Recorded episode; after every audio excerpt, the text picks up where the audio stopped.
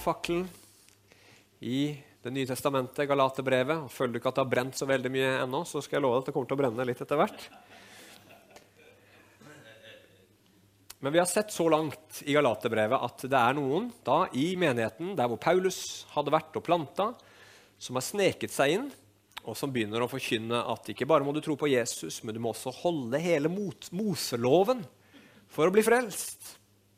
Og Paulus han blir skikkelig eh, provosert og skriver dette brevet her for at eh, menigheten skal forstå nei, det er bare Jesus. Det er bare han som kan frelse. Han er nok. Og det er ikke et budskap som jeg har funnet på, hørte vi han sa sist gang. Det er et budskap som kommer direkte fra Gud. Ledig her bak der, så kan prøve den plassen istedenfor.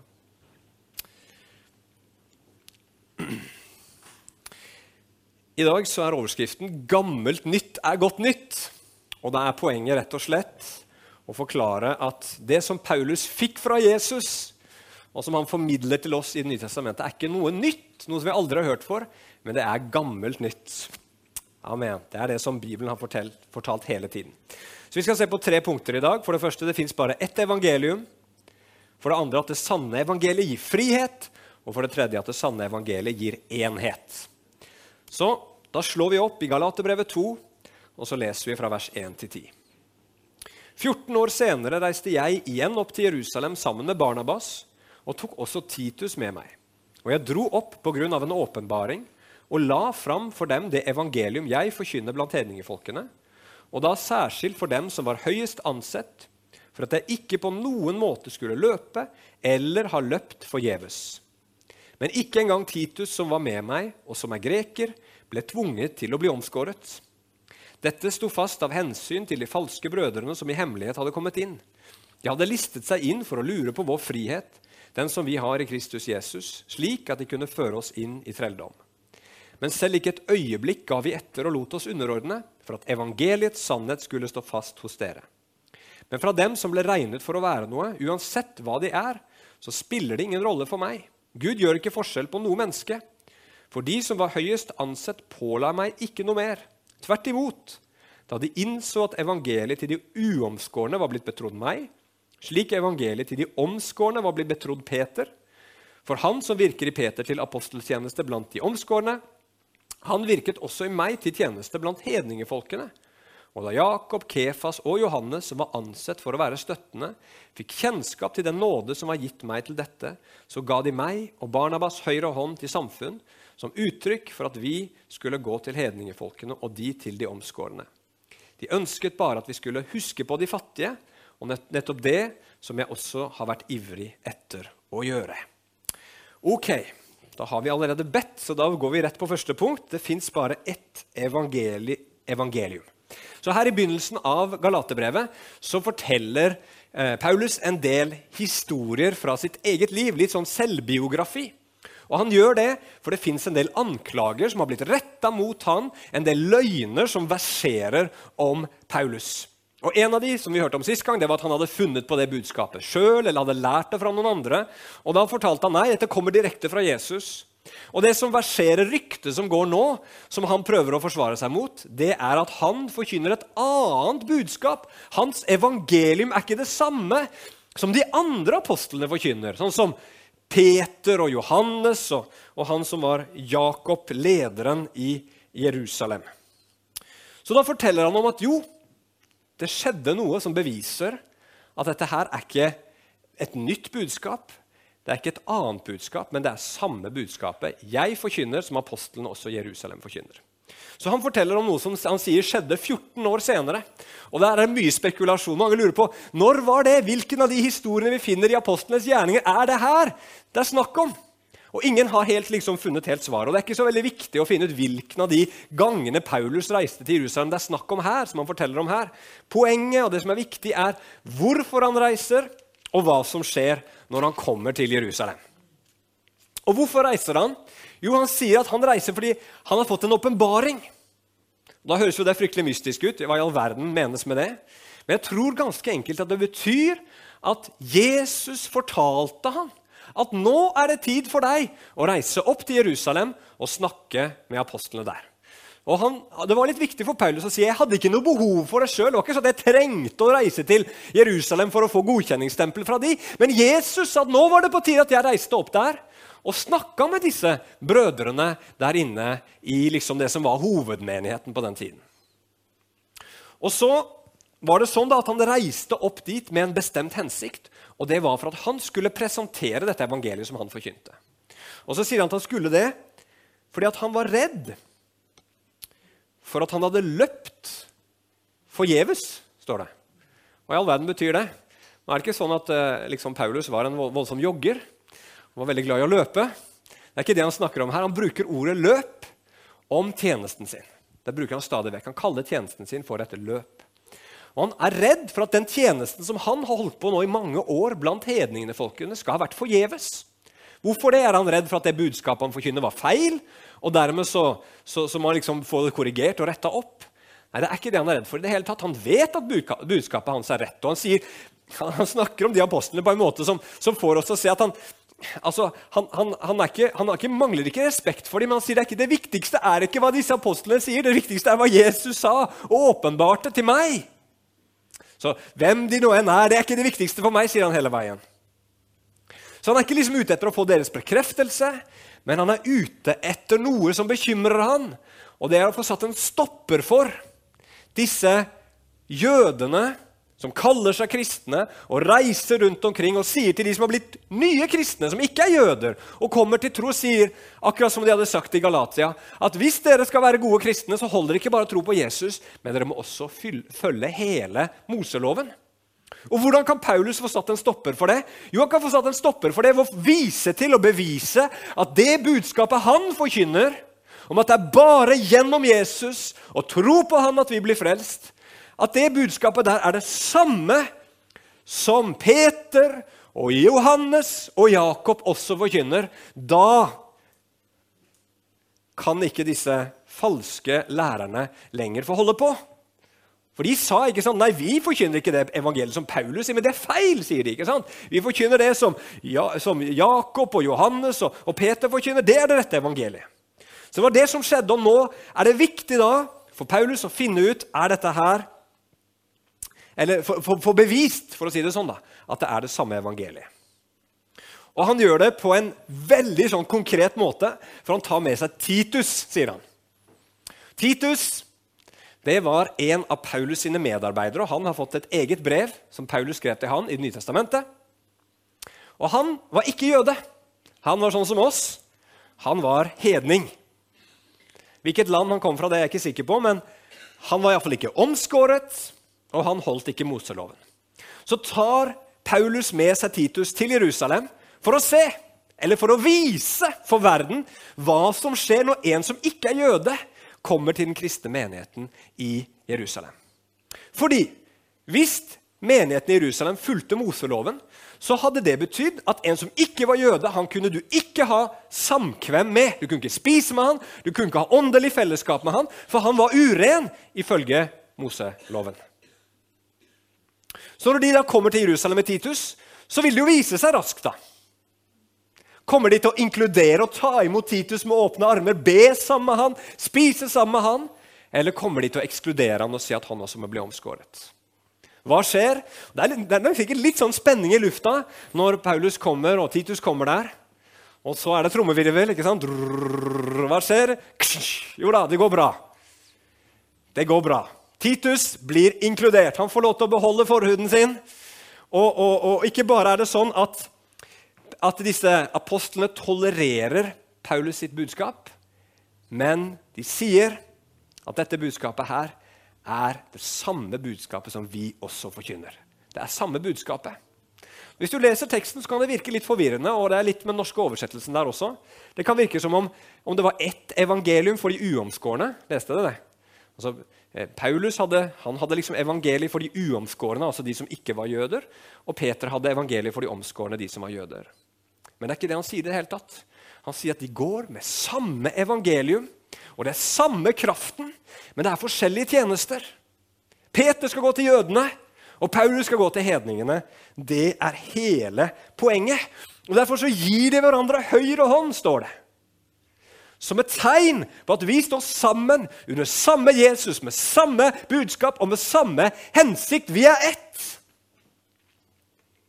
Det evangeliet som Paulus forkynte, var det samme som Jakob og Johannes og Peter forkynte, og det var det samme budskapet som også Jesus forkynte. At det bare er ved tro på Gud og på Jesus som han har utsendt, at vi av nåde får tilgivelse for alle våre synder, blir fullt ut akseptert av Gud, blir fullt ut en medlem av Guds folk og får lov til å få det evige livet sammen med Gud i all evighet.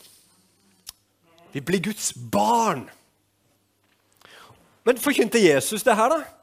Ja, bare hør. For eksempel så sa Jesus at ytre ting det var ikke det som gjorde et menneske urent. Det var det som kom ut av hjertet, sa han. Han snakka om sabbaten, sa at sabbaten den ble ikke skapt eh, Eller mennesket ble ikke skapt for sabbaten, men sabbaten ble skapt for mennesket. Det var noe som skulle være til hjelp og til velsignelse for mennesket. Ikke et bud som liksom for all del måtte overholdes. Vi ser gjennom evangeliene at når Jesus møter hedninger, hva gjør han da? Hold dere borte fra meg, urene hedninger. Nei, han tar imot dem. Han inkluderer dem i Guds rike og sier også at de er frelst. De også får komme inn. Og han sier de skal komme fra øst og vest og sitte til bords i Guds rike, sier han. Og alle som kom til Jesus, uansett hva slags bakgrunn de hadde, uansett hvordan de hadde levd, så gir han dem tilgivelse og frelse. Alle som en. Han sier aldri til noen at det livet du har levd, det er ikke bra nok. Skjerp deg litt, så skal vi se om du også kan få komme inn i Guds rike. Jesus gjør ikke det.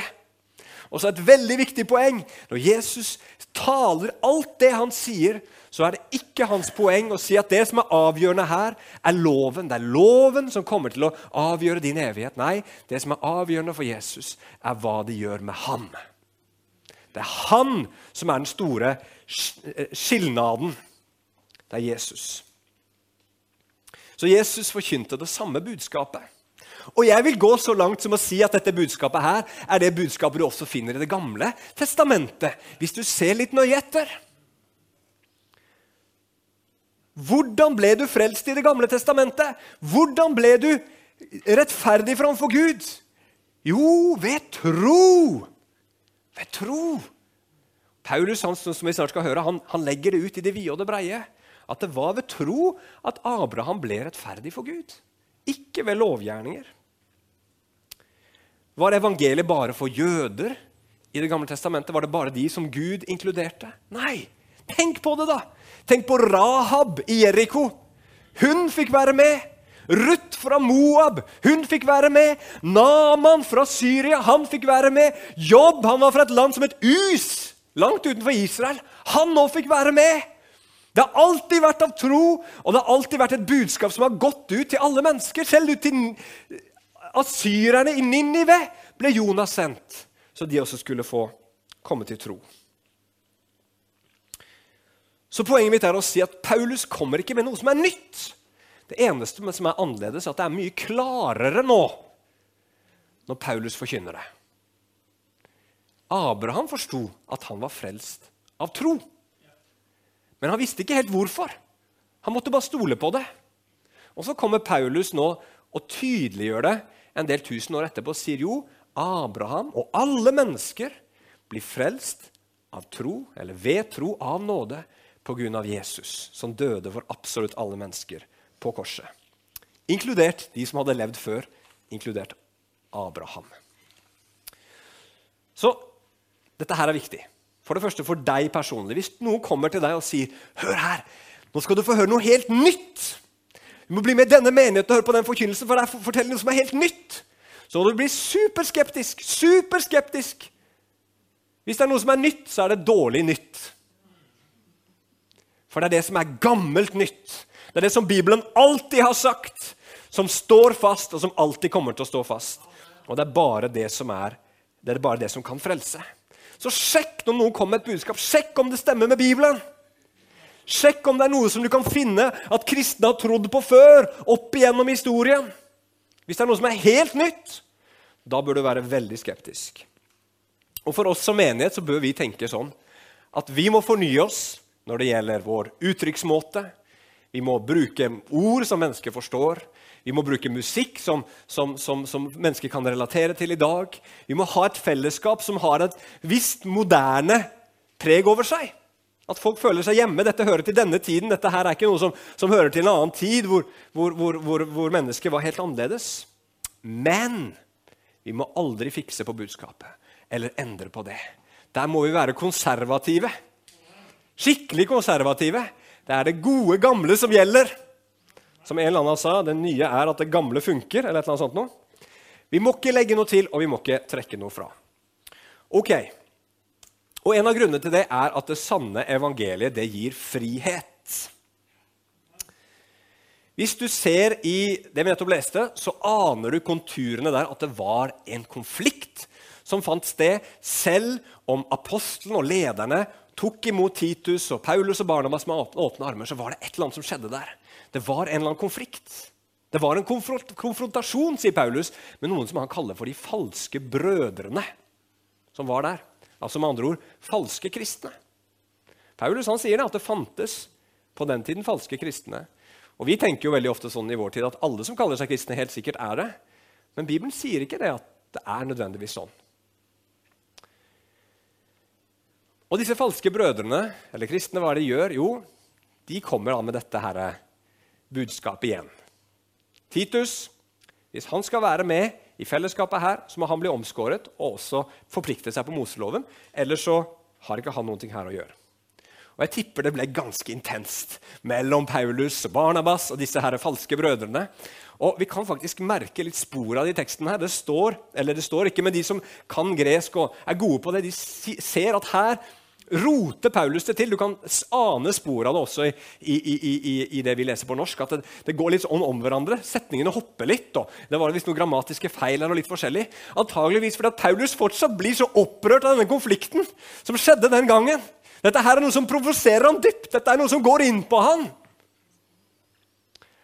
Og så står det Men ikke et øyeblikk, sier han, ga vi etter på dette kravet.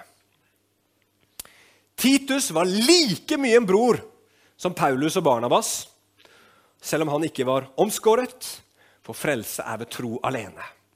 Og jeg tror Paulus var så fast, og Barnabas var så faste, for de skjønte at det her, nå her gjelder det mer enn bare akkurat den situasjonen vi er i nå. Her gjelder det alt Guds folk for all framtid. Her gjelder det at evangeliets sannhet ikke blir svekka, men blir stående. Her må vi kjempe, her må vi stå. Her må vi ikke gi etter en millimeter. For her står de kristnes frihet på spill, sier han. Og disse falske brødrene, hva er det de vil med sine bud og regler? Jo, de vil føre oss inn i trelldom, inn i slaveri. På hvilken måte da? Vel, Jeg har lest en kommentar av en som heter Timothy Keller, og han peker på noen områder. Jeg prøvde meg på uh, formiddagen i dag å sitere han, men min kone sa det ble litt for vanskelig. Så jeg skal gjøre det litt lettere for dere, forhåpentligvis. Eh, så det er lurt å komme på kvelden, altså, for da har jeg liksom prøvd den prekenen én gang. Fått retta den litt opp og sånn. Det han sier, er at et falskt evangelium det leder til, frihet, til slaveri. unnskyld, altså kulturelt. Hva mener han med det? Jo, hvis det blir sånn i vår kristne sammenheng at frelse er av gjerninger, da blir det plutselig veldig viktig at vi vet hva det er vi skal gjøre.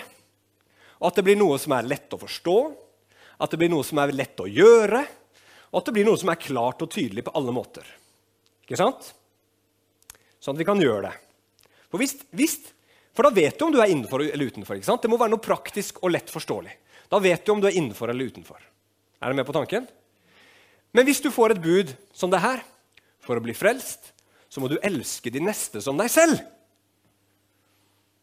Når er du innafor da? Når har du gjort nok da? Når er det godt nok da? Det blir for, det blir for mange liksom, konsekvenser av det til at du kan få full oversikt og bare liksom få den gode følelsen at i dag har jeg gjort det jeg skulle. Skjønner dere? Så med en gang frelse blir av gjerninger, så fokuserer man inn på enkeltting man skal gjøre. Praktisk, tydelige, synlige ting. For at det skal være mulig faktisk å leve opp til den standarden som man da setter i menigheten. Og da skjer det noe med oss. Da blir vi fariseere. Sånn som Bibelen sier. Jesus kalte dem for hvitkalkede graver, sa han. Det er fine å, se, fine å se til på utsiden, men på innsiden er dere fulle av dødningeben. Når vi liksom reduserer det Bibelen sier til sånne enkle bud som vi kan klare å fylle, så blir vi veldig opptatt av det ytre. Og så glemmer vi faktisk det som er viktig, det som er det indre. Og Da skjer det mye med oss. Da blir vi f.eks. et sånn fellesskap hvor vi er opptatt alle sammen at vi kler oss riktig når vi går på møte. At vi møter opp på søndag formiddag og viser at alt er ok.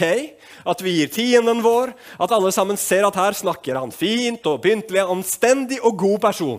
Og så legger vi vekten på det, og så blir vi opptatt av det. Og så tenker vi at vi bare dette er på plass, så er alt i orden med meg og alt i orden med han. Så glemmer vi at det er ikke det Bibelen er mest opptatt av. Den er opptatt av det som er på innsiden. Er dere med?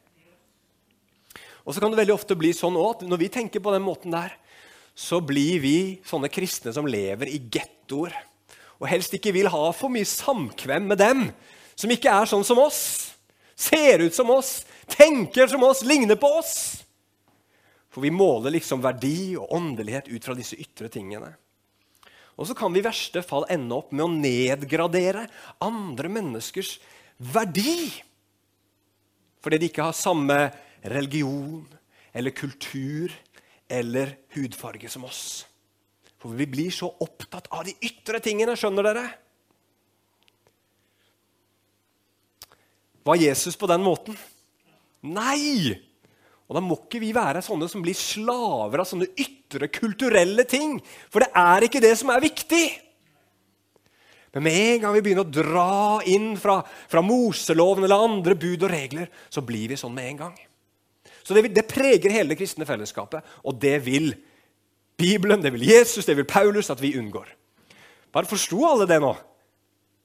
Eh, nei, OK. Nikk eller et eller annet. Ja, bra! Yes! Takk skal du ha. Yes, Veldig bra. Så det er det eneste. altså, ene kulturelt, det andre er følelsesmessig. Hvis du og jeg bygger vårt forhold til Gud på om vi opplever og føler at vi er gode nok fordi vi klarer å holde budene, så får vi aldri fred på innsida. Du kommer aldri til å få det. For du vet aldri, du kommer aldri til å være 100% sikker på at du har gjort nok. Og hvis du føler du fikk det til i dag, hvordan vet du at du skal få det til i morgen? Ikke sant? Det er noen av oss som er sånn noen ganger. Yes, nå har jeg blitt en skikkelig kristen.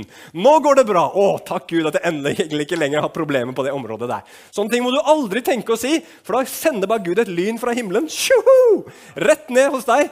Og dagen etterpå så gjør du akkurat den feilen du trodde du var ferdig med.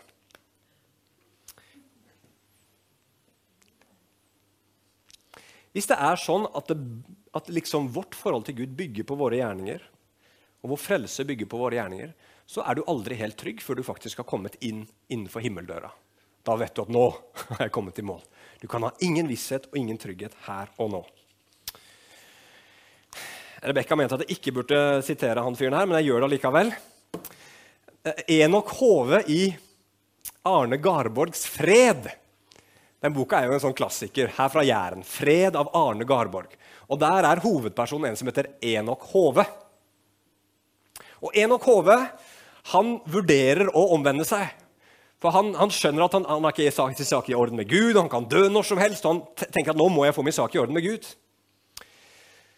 Og så drømmer han om og tenker å, bare jeg får min sak i orden med Gud. Da, så sier han på nynorsk ja, tenk å hava Gud sjølv å forlate seg på. Tenk å være fri all sut og få fred for all åtte og all uro. Det er jo ikke så lett å forstå, men det han sier er, er enkelt sagt at han må drømme om å få et forhold til Gud hvor han er trygg. Fri fra all bekymring, all frukt, frykt, mener jeg, unnskyld, og all uro. Det lengter han derre Enok Hove etter i begynnelsen av boka. Men det tragiske med boka er at han finner det aldri. Og det går så ille at han tar sitt eget liv. Hvorfor det? Jo, for han er alltid redd for at han ikke har gjort nok. Han kunne alltid ha gjort mer. Han, han, han, han føler ikke han er lydig nok. Livet hans er fullt av frykt. Og vet dere hva? Noen ganger når vi kristne legger til bud og regler, så er det pga. frykt. Fordi vi tenker at hvis vi ikke er skikkelig nøye med å holde alle reglene, så kan det jo hende Gud blir så misfornøyd med oss at han bestemmer seg for å forlate oss. Og da tenker vi at vi er gode og seriøse kristne hvis vi tar inn over oss denne frykten, og da tror vi at vi tar Guds hellighet på alvor. Men la meg si en ting om sånn frykt. Og sånn frykt kan vi sikkert alle sammen møte på noen ganger. At den frykten dypest sett faktisk er en slags selvopphøyelse. Hvorfor det? Jo, for da tror du at det fins et eller annet i deg som er tilstrekkelig. Så hvis bare du jobber hardt nok, så kan du bli god nok. Og da går du midt imot det som Bibelen sier med store bokstaver. At uansett hva du gjør, all din kraft, all din visdom, all din vilje kan aldri bli nok for å gjøre deg verdig til en evighet sammen med Gud. Du kan aldri ved, dine, ved din innsats og ved dine evner bli god nok for Gud. Det er bare Gud, han, som kan gjøre deg god nok. Og det gjør han bare på én en eneste måte, og det er gjennom troen på Jesus. Og vet du hva som skjer da? Da blir du, da slås døra vidt opp. Vom, rett opp med en gang. Og så blir du fullt ut akseptert. Du blir fullt ut et Guds barn. Du blir ikke Guds barn på prøve eller i 50% stilling. Du blir fullt ut Guds barn. Du får vissheten om at himmelen, evigheten, venter på deg. Du får det alt sammen. Han gir deg full pakke med en gang. For at du skal få fred. Vite at nå er jeg på vei til himmelen. Og jeg kommer sikkert til å snuble underveis. Jeg kommer sikkert ikke til å få alt til. Men jeg er god nok allikevel på grunn av Jesus. Og da får du den sanne freden som Enok Hove aldri fant. Da kan du bli helt rolig og full av fred på innsiden. Og hva da med de budene som vi faktisk skal følge? da? Jo, da vil du jo følge de budene. sant? Men du gjør det ikke for at du skal få din sak i orden med Gud, men du gjør det fordi du har fått det. Og Det er også noe som er viktig for å bringe deg ut av det åndelige slaveriet under synd. Men Det skal vi ikke si så mye om nå, men det skal vi komme tilbake til seinere. Så skal vi gå til det siste punktet. Det sanne evangeliet gir enhet. Og Det som vi ser nå til slutt da, i, eh, i denne historien her, når disse apostlene møtes i Jerusalem, så blir det enhet. Det blir enhet. Og hvorfor blir det enhet? Jo, vi skal komme tilbake til det. Men la meg si først at kristen enhet er noe kjempeviktig. Det er kjempeviktig, for Jesus sa at vi skulle være ett, og at det skulle være tegn for verden. Og jeg tenker at Vi som kristne vi må være den gruppa i verden som har mest variasjon og samtidig enhet. Her skal vi være både menn og kvinner, nordmenn og svensker. Ja, Og alle slags nasjonaliteter, så klart. Alle slags etnisiteter, alle slags hudfarger. Rike, fattige, akademikere, håndverkere de ekstroverte, de introverte, kunstnersjelene og de firkanta, logiske personene. Og alt du kan tenke deg i spekteret av hvordan vi mennesker kan være. Alt det skal være til stede i Guds menighet. Og så skal vi være ett i Jesus. Men og det er viktig, det er ikke en enhet som vi skal søke til enhver pris. Men det er en enhet som må ha tydelige og faste rammer. For det fins nemlig et innafor og utafor. Og det sier Paulus tydelig her òg, for han sier det fantes noen falske brødre. sånn som jeg var inne på i sted. De var utafor. Så hva er det som gjør at noen er innenfor og noen er utenfor i den enheten som vi skal ha i Guds rike? Er det de ytre kriteriene? Nei. Det er det som Paulus er så opptatt av her. Nei, det er ikke de ytre tingene som skal skille oss. Men det som er det store skillet, det er evangeliet. Hvis du stoler på evangeliet, ikke legger noe til, ikke trekker noe fra, da er du innafor. Og da er det ikke avgjørende om du tror på troenes dåp eller barnedåp, selv om vi har vår tydelige posisjon på det. Det er ikke avgjørende om du taler i tunger eller ikke, om du liker liturgi eller moderne lovsang eller alle slags sånne mulige ting som det. Det er ikke det som er det avgjørende. Det avgjørende er om vi bekjenner troen. På, på, på, at vi er for det første så fortapt, så svake i oss selv, at vi aldri kan frelse oss selv. Men at Jesus gjør det ved å dø for oss på korset. og Der tar han på seg alt sammen. Og som et gjensvar til det så vender vi om fra synd, og så tror vi på Jesus. Sånn at vi ikke skal gå fortapt, men ha evig liv. Alle som tror på evangeliet, definert sånn som Bibelen definerer det, de er innafor i den kristne enheten. Og der skal det være variasjon. Der skal det være forskjeller, masse forskjeller. Men det skal være enhet i Jesus og i evangeliet. Amen. Og den enheten den tror jeg skal vise seg i ett veldig viktig kjennetegn som Paulus vektlegger her helt til slutt. og Det leser du i vers 10. For der sa apostlene til Paulus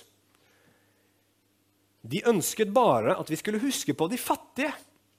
Og nettopp det som jeg også har vært ivrig etter å gjøre. Noe som har prega Guds folk til alle tider opp gjennom historien, det er at vi har vært opptatte av å ta oss av de svake, de som har falt utenfor, de fattige. Du vet, De aller første kristne vet du hva de gjorde i Romerriket? De løp rundt på bymurene i en del av disse byene. Og så fant de små spedbarn som hadde vært lagt ut der i sola for å dø. For det var den tidens abort. Sånn gjorde man i Romerriket. Hvis det kom et barn man ikke ville ha, så la man det på bymuren i sola til det døde. Men der gikk disse kristne. Og så tok de disse barna, tok de hjem til seg. Og hvis de overlevde, så oppdro de dem som sine egne barn. Og I begynnelsen så var, vi, var vi kristne, de kristne var opptatt av å gi til de som var svake, og de fattige og de små. Og For Paulus her så betydde det spesielt at han skulle huske på de fattige som var i Judea-området.